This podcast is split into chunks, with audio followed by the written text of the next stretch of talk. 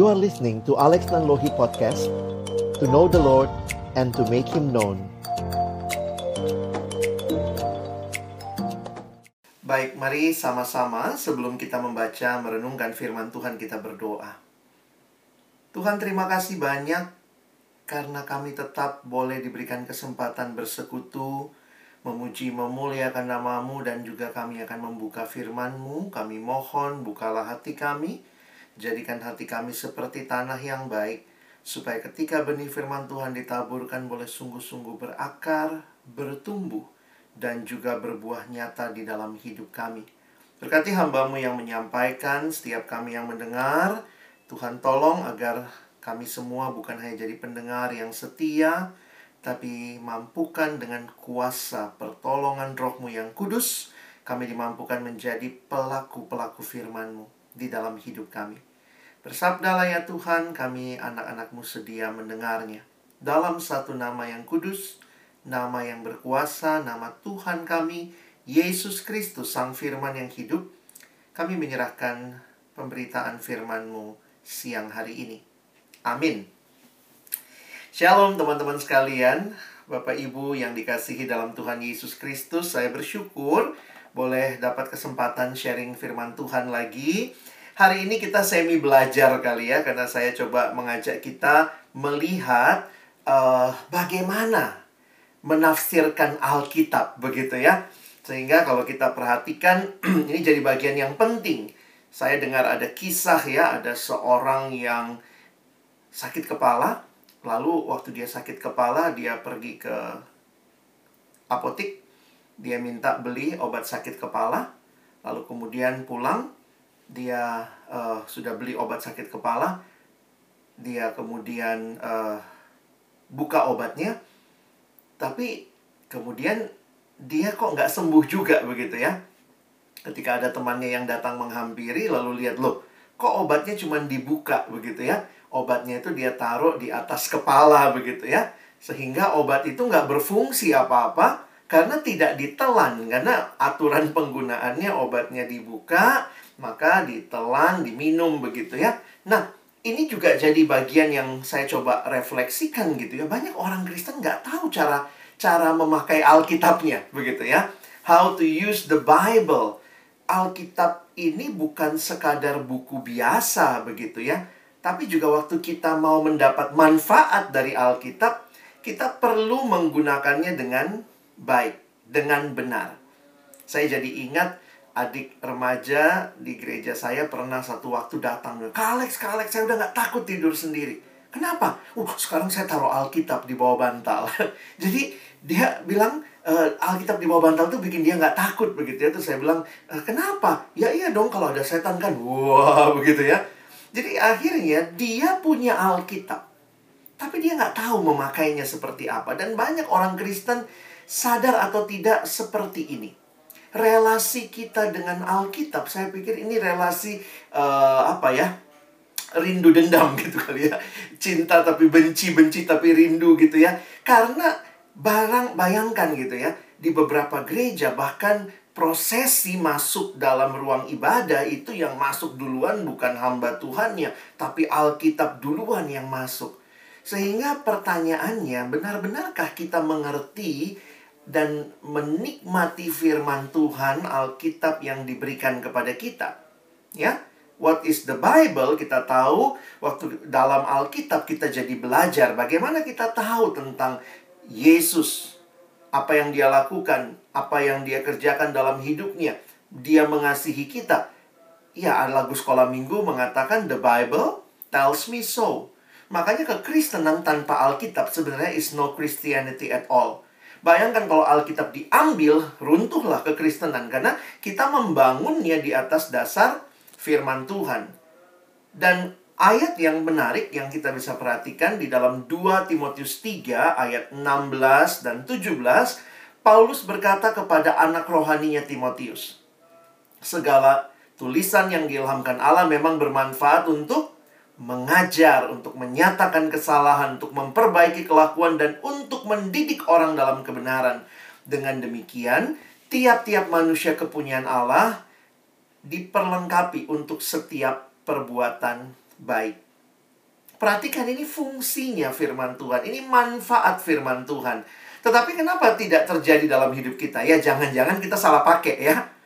Taruhnya di bawah bantal, dibacanya sekali-kali, sekali baca cap ciscus ya. Cari ayat yang asik kayaknya ini pas nama sama aku gitu ya. Ada orang yang dia, Tuhan apa kehendakmu? Dia buka seret, tak, tulis gitu ya. Pergilah dan jangan berbuat dosa lagi. Aduh salah Tuhan, nggak, nggak bagus ayatnya.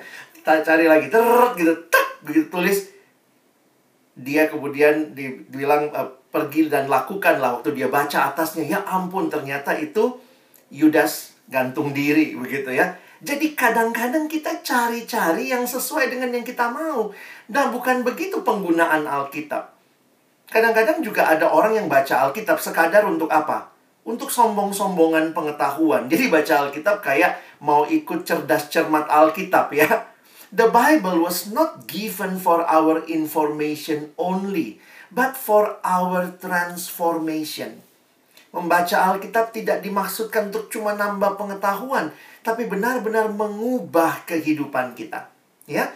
Jadi, yang menarik kalau hari ini sama-sama kita akan lihat bahwa kita punya Alkitab, tapi kita mesti tahu cara pakainya, kira-kira begitu ya. Kita mesti lihat bagaimana kita menggunakannya. Nah, di dalam bahasa awam ya, ini biasa dikatakan pemahaman Alkitab, pendalaman Alkitab, sedikit-sedikit mirip KPK, penyelidikan Alkitab begitu ya. Uh, mungkin nggak ada penyidikan Alkitab ya, penyelidikan. Jadi ini bagian yang kita kemudian mengatakan untuk memahami Alkitab, kita mesti melewati langkah tertentu ya. Nah, saya pakai istilah yang umum saja, Alkitab dan penafsiran ya. Jadi kita akan bicara Alkitab dan penafsiran. Jadi, ini muncul pertanyaan penting buat kita. Apalagi kalau orang-orang awam ya. Saya juga kan dulunya ya orang awam belum belajar ke sekolah teologi ya. Ada yang nanya, ngapain harus ditafsir? Alkitab kenapa nggak cukup dibaca saja? Kenapa harus ditafsir? Sehingga ada ilmu tafsir ya, hermeneutika, ilmu menafsirkan Alkitab dan jemaat pun diajarkan bagaimana Alkitab itu harus ditafsir. Kenapa harus menafsir? Ada dua alasan. Kita lihat alasan pertama ya. Alasan pertama adalah yang namanya sifat pembaca. Itulah sifat semua manusia. Setiap kita, selama kita manusia, yang waktu lihat sesuatu, saudara sadar atau tidak, kita sebenarnya menafsir. Nah, believe it or not lah ya. Misalnya ya, kalau teman-teman, bapak ibu baca di Alkitab misalnya ya, lalu kemudian uh, orang ada orang lumpuh yang diturunkan temannya dari atap begitu ya karena katanya atapnya kan dibuka lalu mereka menurunkan temannya begitu di, di atas sebuah tilam. Bayangan kita kalau bicara atap, wah, pasti bayangan kita adalah atap kita.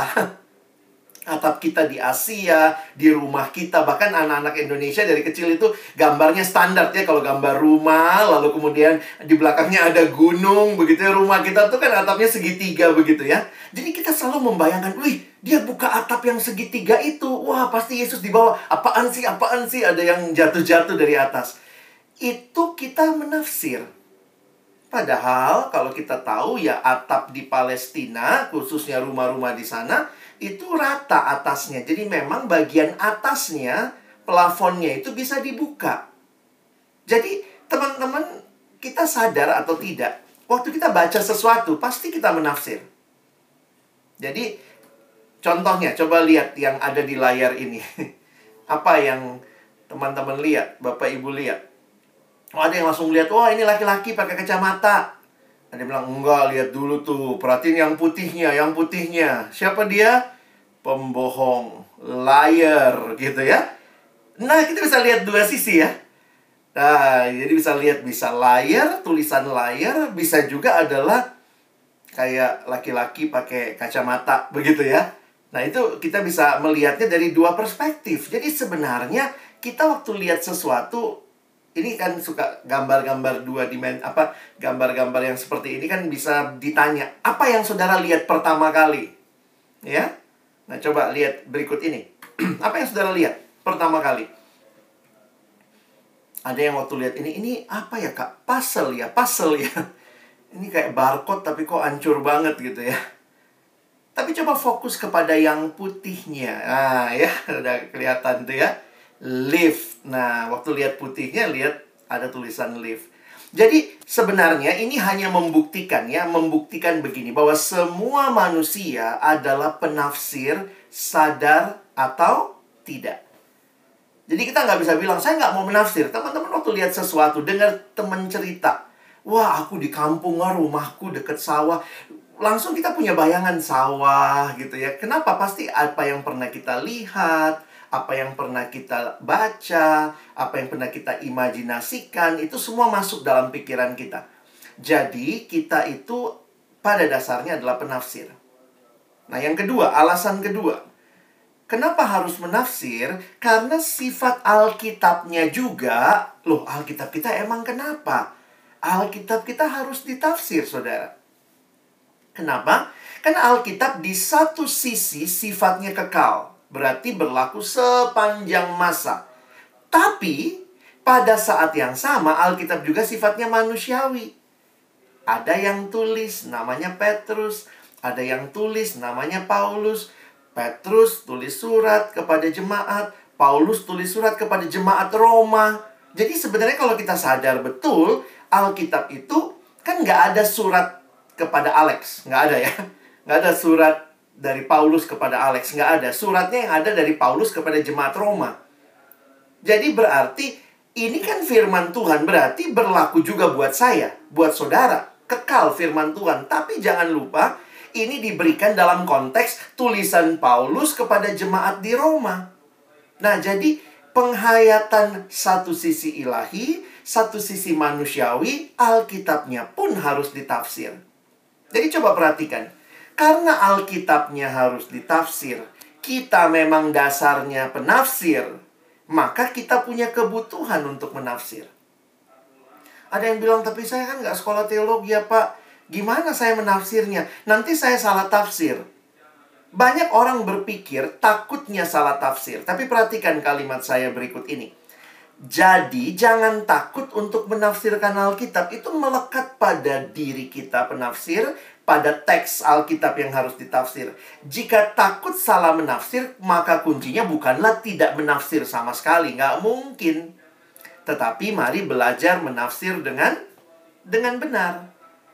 Jadi akhirnya kita sadar nih, Alkitab kita kalau kita tafsir itu karena kenyataan diri kita dan kenyataan Alkitabnya, mari belajar menafsir dengan benar. Nah, ini cara pakai yang benar ya. Kenapa? Karena kalau nggak dipakai dengan benar, waduh, banyak orang memakai Alkitab asal-asalan. Jangan pikir orang sekarang gampang bikin hoaks. Orang Kristen juga banyak yang bikin hoaks. Dari Alkitab yang dicomot sana-sini. Tanpa mengerti apa dasarnya. Nah, karena itu, nah ini paling sederhana ya, di dalam penafsiran.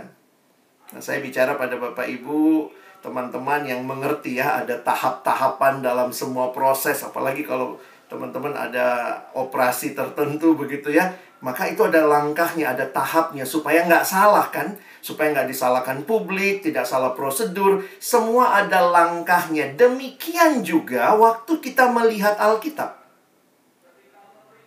Ada dua langkah utama.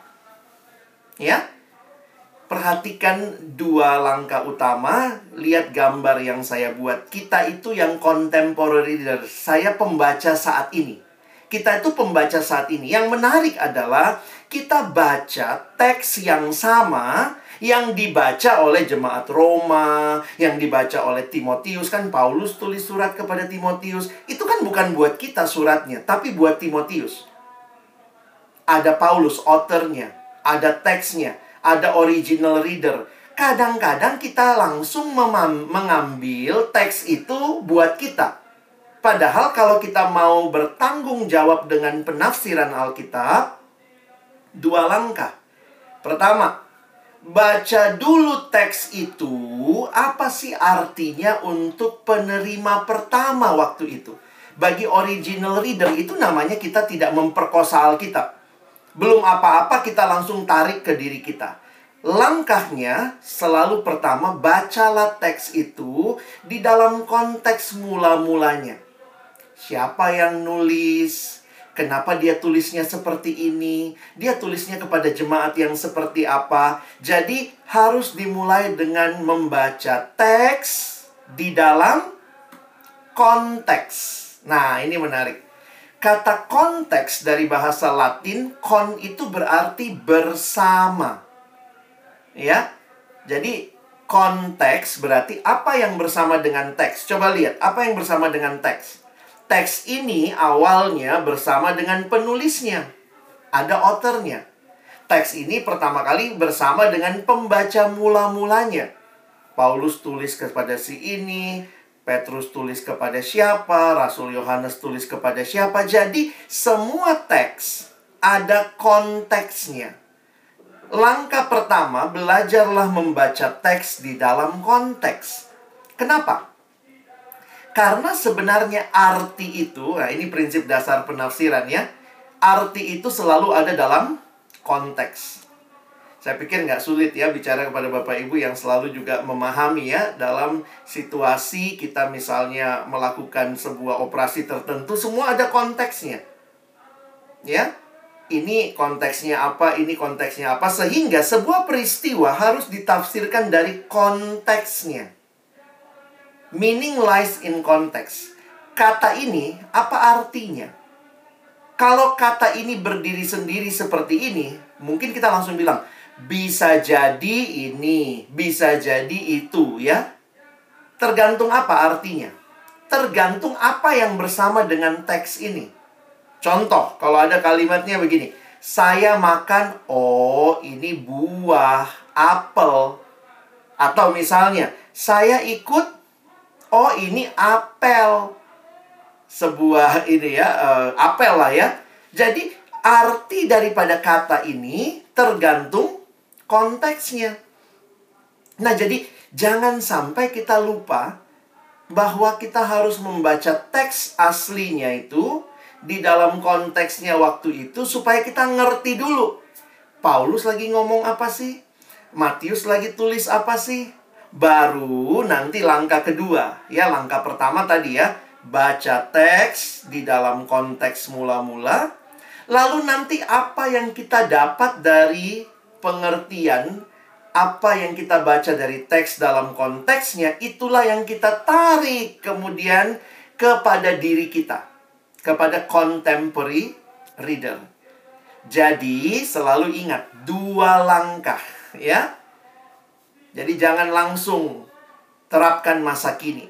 Nggak bisa begitu. Langkah pertama baca teks dalam konteks mula-mula. Lalu langkah kedua menerapkannya untuk situasi masa kini. Nah, bagaimana ini? Alkitab kan nggak kenal internet, orang zaman itu nggak kenal hal-hal teknologi. Lalu bagaimana orang Kristen bisa bersuara? Nah, nanti kita bisa lihat ya setelah kita baca teks di dalam konteksnya, kita tarik ke dalam hidup kita, ada prinsipnya. Bagaimana Alkitab juga, walaupun dia bicara di konteks waktu itu, tetap bisa diterapkan dalam situasi masa kini. Nah, inilah yang namanya kalau di sekolah Alkitab diberi, diberi nama hermeneutik. Kalau kita biasa uh, belajar Alkitab awam, kita bilangnya ini PA, pendalaman Alkitab. Jadi kalau ditanya pendalaman Alkitab, Alkitab itu apa sih? Ya ini, membaca teks dalam konteks lalu membawa hasil itu dalam situasi kita masa kini. Apa bahayanya? Apa bahayanya kalau tidak mengikuti kedua langkah ini? Langsung dari langkah kedua ditarik ke sekarang. Ini nih, langkahnya itu yang terjadi teman-teman bukan teologi ya tapi cocokologi, cocok-cocokin begitu. Nah, ini yang terjadi nih. Banyak orang menggunakan Alkitab cocokologi. Jadi bukan mengerti, bukan teologi yang dia dapatkan, pemahaman pengertian tentang Tuhan, tapi dicocok-cocokin. Dan ini banyak terjadi dan termasuk orang Kristen paling sering menyebarkan hoaks dalam cocokologi ini. Jangan vaksin, itu antikris, mati deh pakai ayat lagi ya ayatnya adalah apa gitu. Jangan membiarkan orang. Jadi lucu ya, kita pakai ayat, nggak ngerti konteksnya, langsung bilang ini menolak vaksin. Waduh, yang terjadi itu cocokologi. Ya, jadi mari kita lihat langkahnya ini pelan-pelan ya. Saya harap waktu singkat saya bisa jelaskan. Paling tidak nanti perlu ada sesi lain ya. Teman-teman bisa belajar lebih dalam tapi paling tidak hari ini dapat dasarnya dulu. Mari kita lihat langkah pertama. Nah, yang kita harus lakukan bacalah teks dalam konteks mula-mula. Apa sih yang perlu kita pertimbangkan sebagai konteks? Ada dua hal saja ya, mungkin saya simpulkan selalu perhatikan konteks sastra.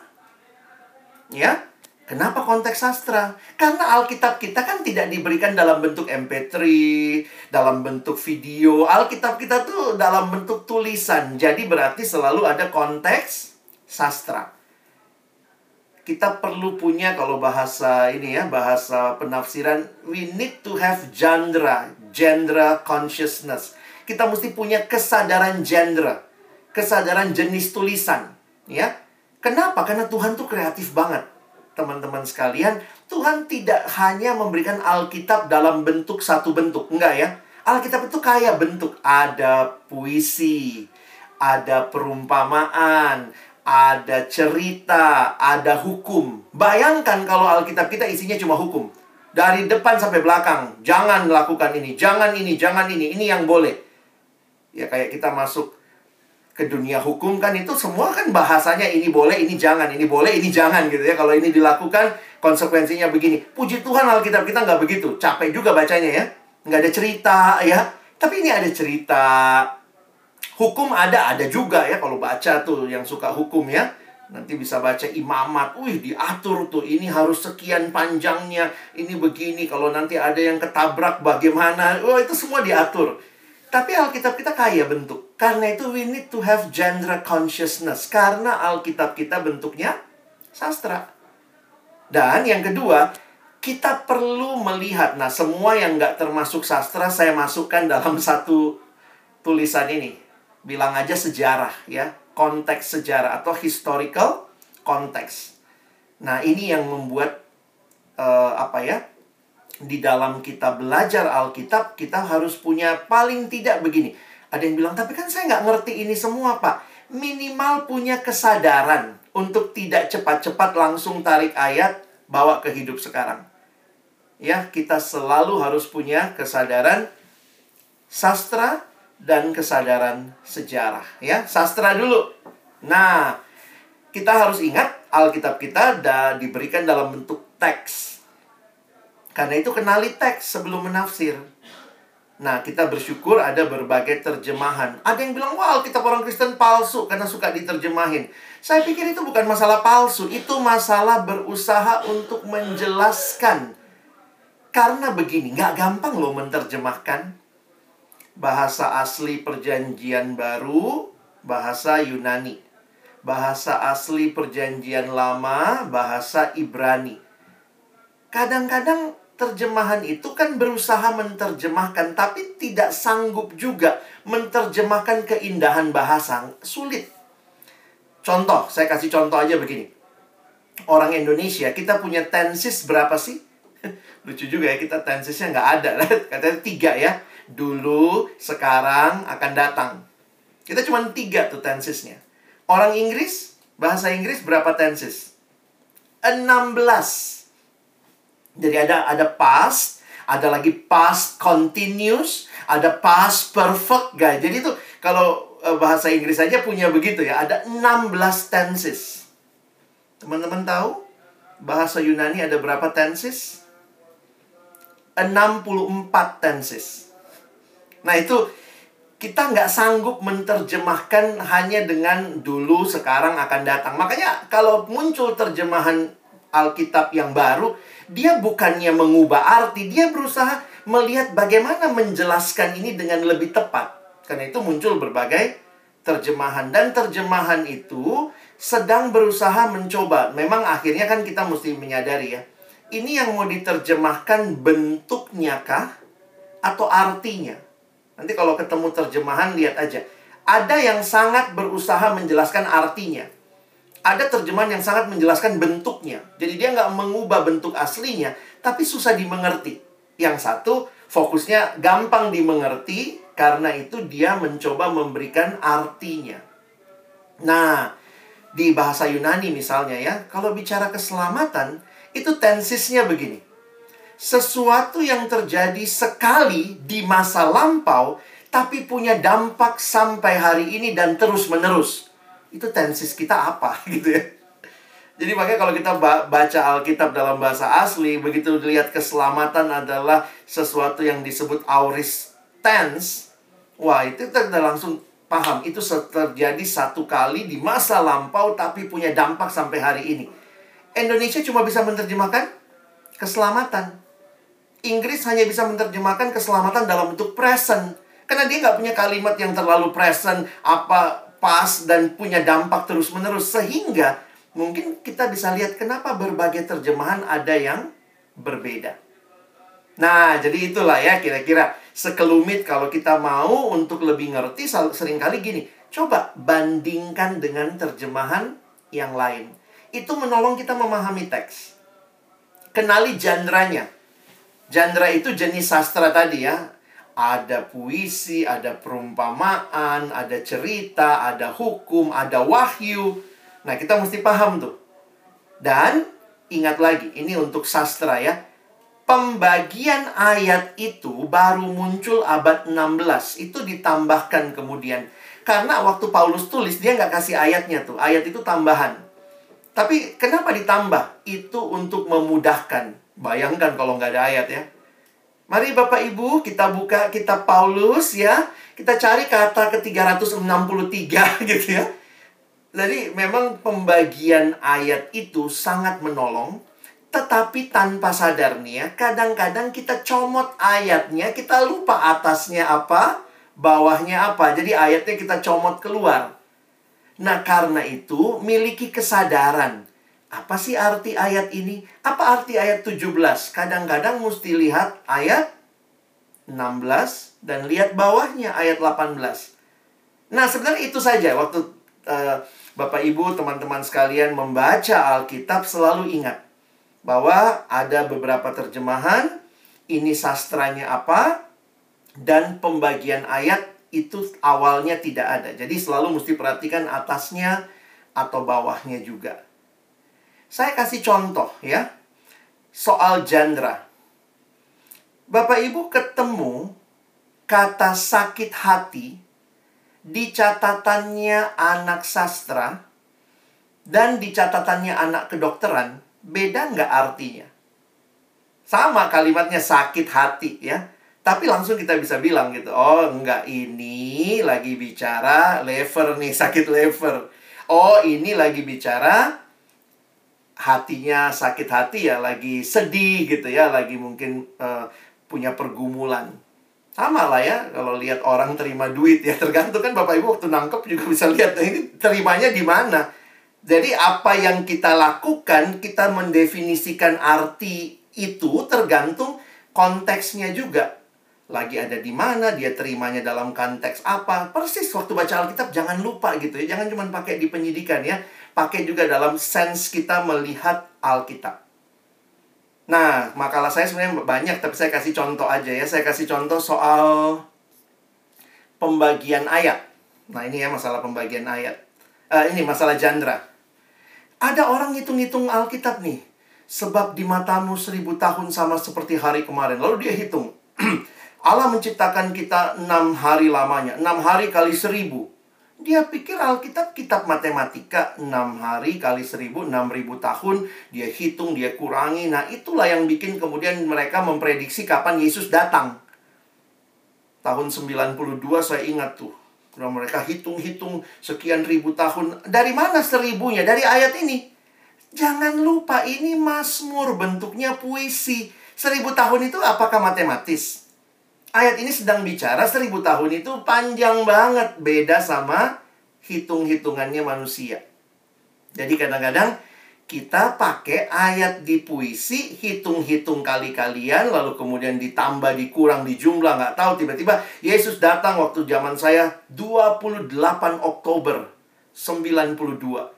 Wah, mereka kumpul di puncak, saya ingat itu ya, pakai baju putih-putih. Karena Yesus mau datang, tunggu di sana berdasarkan perhitungan Mazmur 90. Yesus nggak datang, yang datang polisi. Tangkap semua.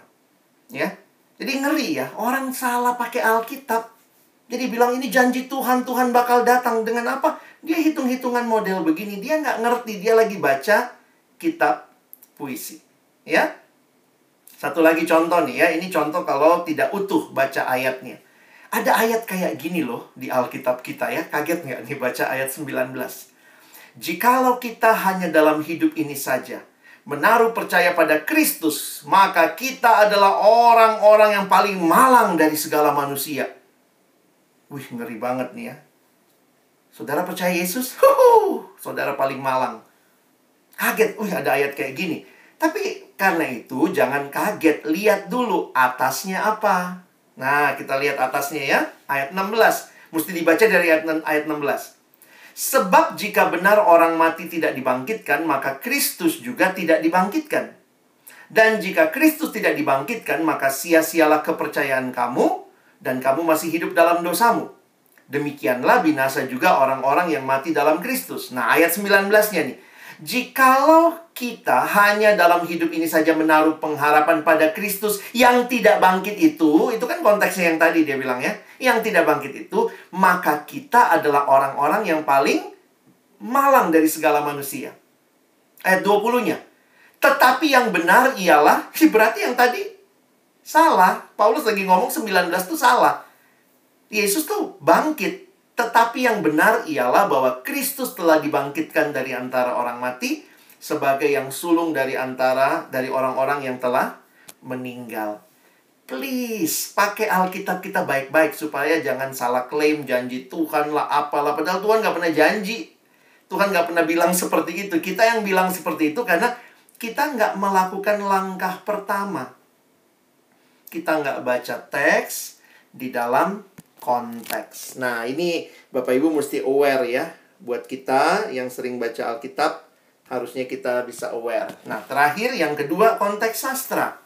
Uh, sorry, konteks sejarah maksudnya.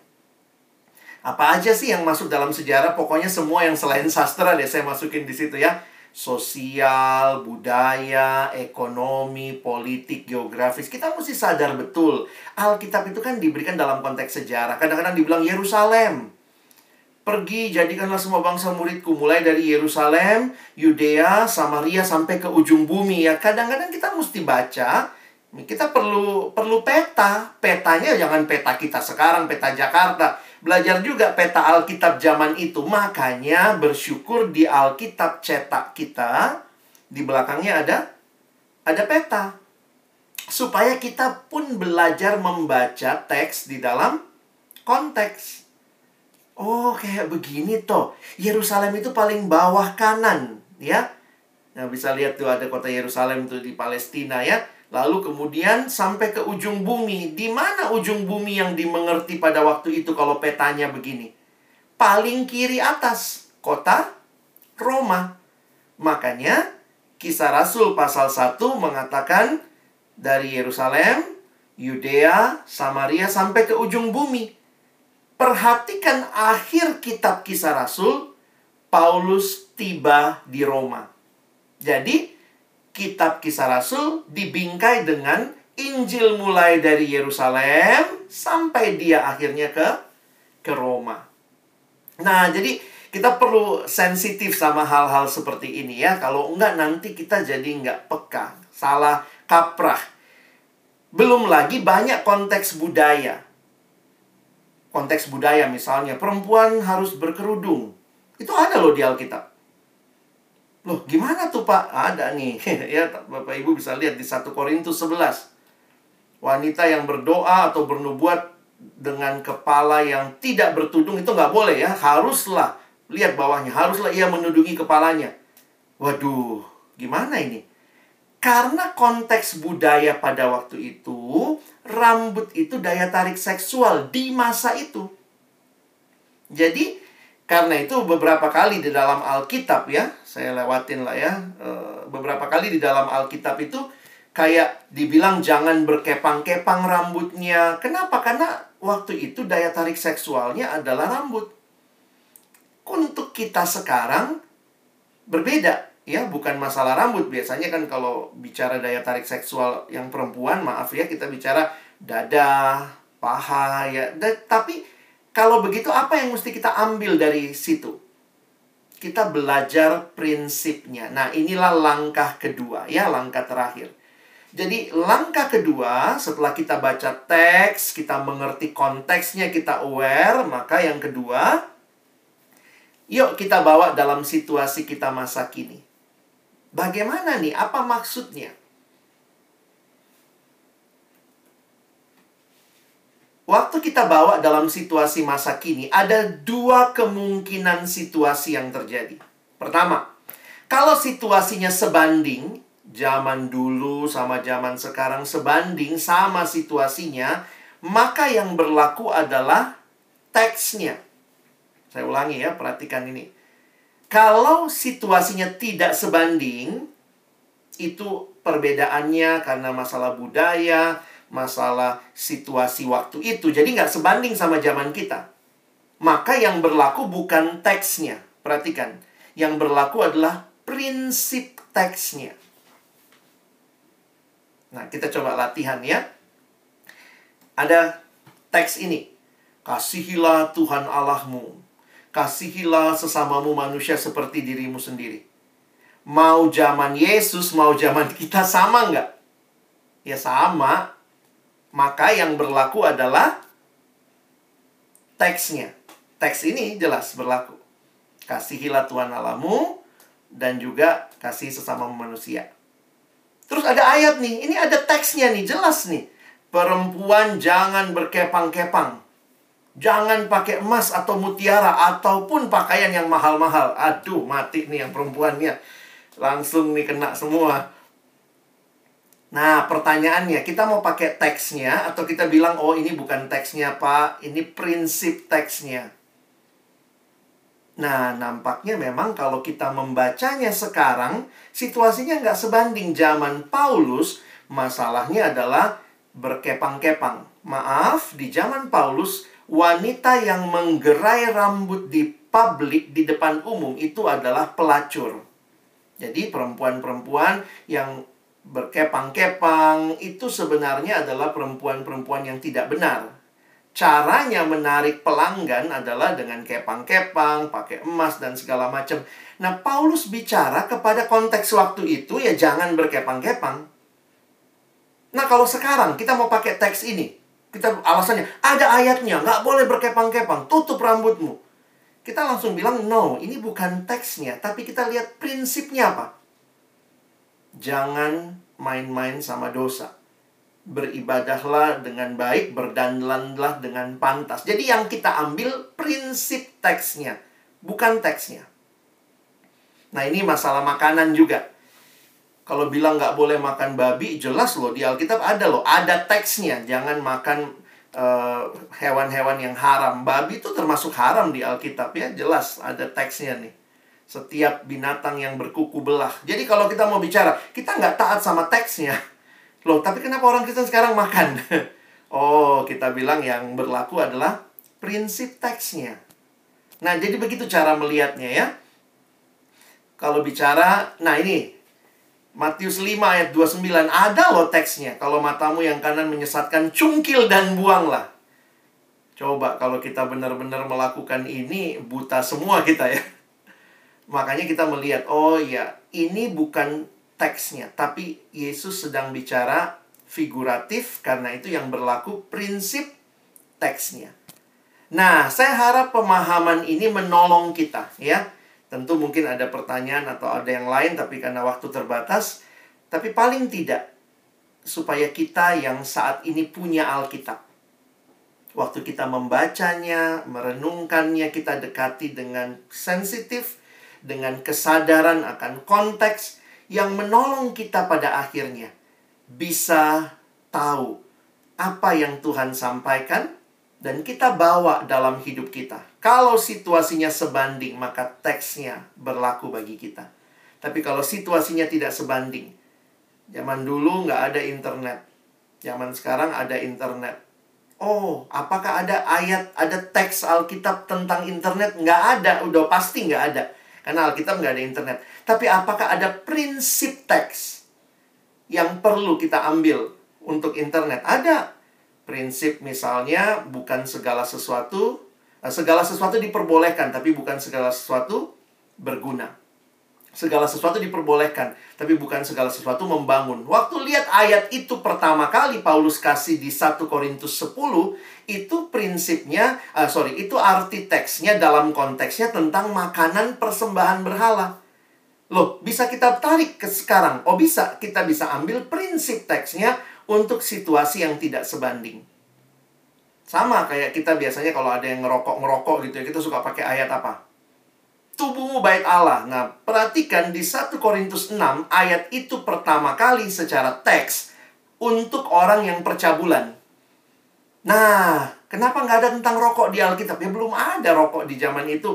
Mereka punya pemahaman rokok nggak kayak kita gitu ya. Nah, ketika kita ambil ayat itu, kita ambil prinsipnya. Tubuhmu adalah bait Allah. Jangan dipakai percabulan. Demikian juga jangan dipakai untuk rokok. Jadi kalau ada yang nanya, nggak ada ayat tentang rokok di Alkitab. Secara teks betul, tidak ada. Saya harus jujur ya, hamba Tuhan nggak boleh bohong. Tidak ada ayat tentang rokok. Kenapa nggak ada rokok zaman itu? Tapi ada prinsipnya, oh banyak banget. Tubuhmu bait Allah, kuduskan dirimu, bangun dengan baik hidupmu. Itu semua prinsipnya ada. Nah, jadi kiranya pemahaman ini membuat kita juga punya sensitivitas ya. Kalau Bapak Ibu dengar khotbah, Bapak Ibu baca Alkitab, saya pikir jangan cuman kita cocokologi ya, tapi kiranya kita bisa menikmati firman yang dikatakan untuk mengajar, menyatakan kesalahan, memperbaiki kelakuan, dan mendidik kita dalam kebenaran. Kiranya Tuhan menolong kita, bukan hanya jadi pendengar firman, penggali firman, tapi lebih lagi menjadi pelaku-pelaku firman. Amin. Mari kita berdoa. Tuhan terima kasih buat pemahaman yang kau berikan kepada kami dengan engkau sendiri sudah memberikan firman-Mu Itulah pelita bagi kaki kami, terang bagi jalan kami. Di tengah dunia yang gelap, kami dipanggil untuk hadir, membawa terangmu, dan kiranya firmanmu itu yang menjadi penuntun hidup kami. Kami bersyukur untuk waktu ini, tolong kami sekali lagi bukan cuma jadi pendengar firman, tapi jadi pelaku firman. Dalam nama Yesus kami berdoa, kami bersyukur. Amin. Itu uh, dan kadang kan ayat nggak mungkin di share-nya satu pasal ya Alex pasti orang kalau nge-share itu potongan gitu itu gimana tuh Alex Iya, thank you. Saya tetap meyakini ya, Tuhan juga bisa bicara lewat satu ayat ya, tapi mungkin juga kita paling tidak begini ya. Uh, mungkin ayat-ayat yang bisa di-share agak lepas itu Mazmur karena puisi ya, satu bagian satu bagian. Tapi kayak surat Paulus mungkin juga di bagian-bagian akhirnya.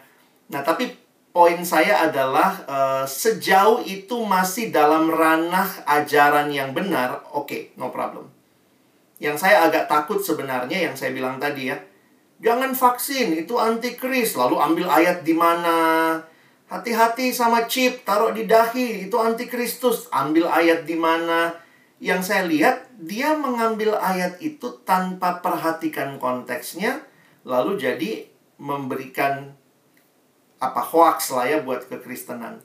Nah, tapi kalau ayat-ayat Tuhan menguatkan, Tuhan peduli sama kita, saya pikir juga di dalam Alkitab banyak ya. Dan itu bisa kita kutip, kita ambil, kita jadikan ayat yang memberkati saudara kita. Mungkin itu ya. Oke. Okay. Oke, okay, thank you ya Alex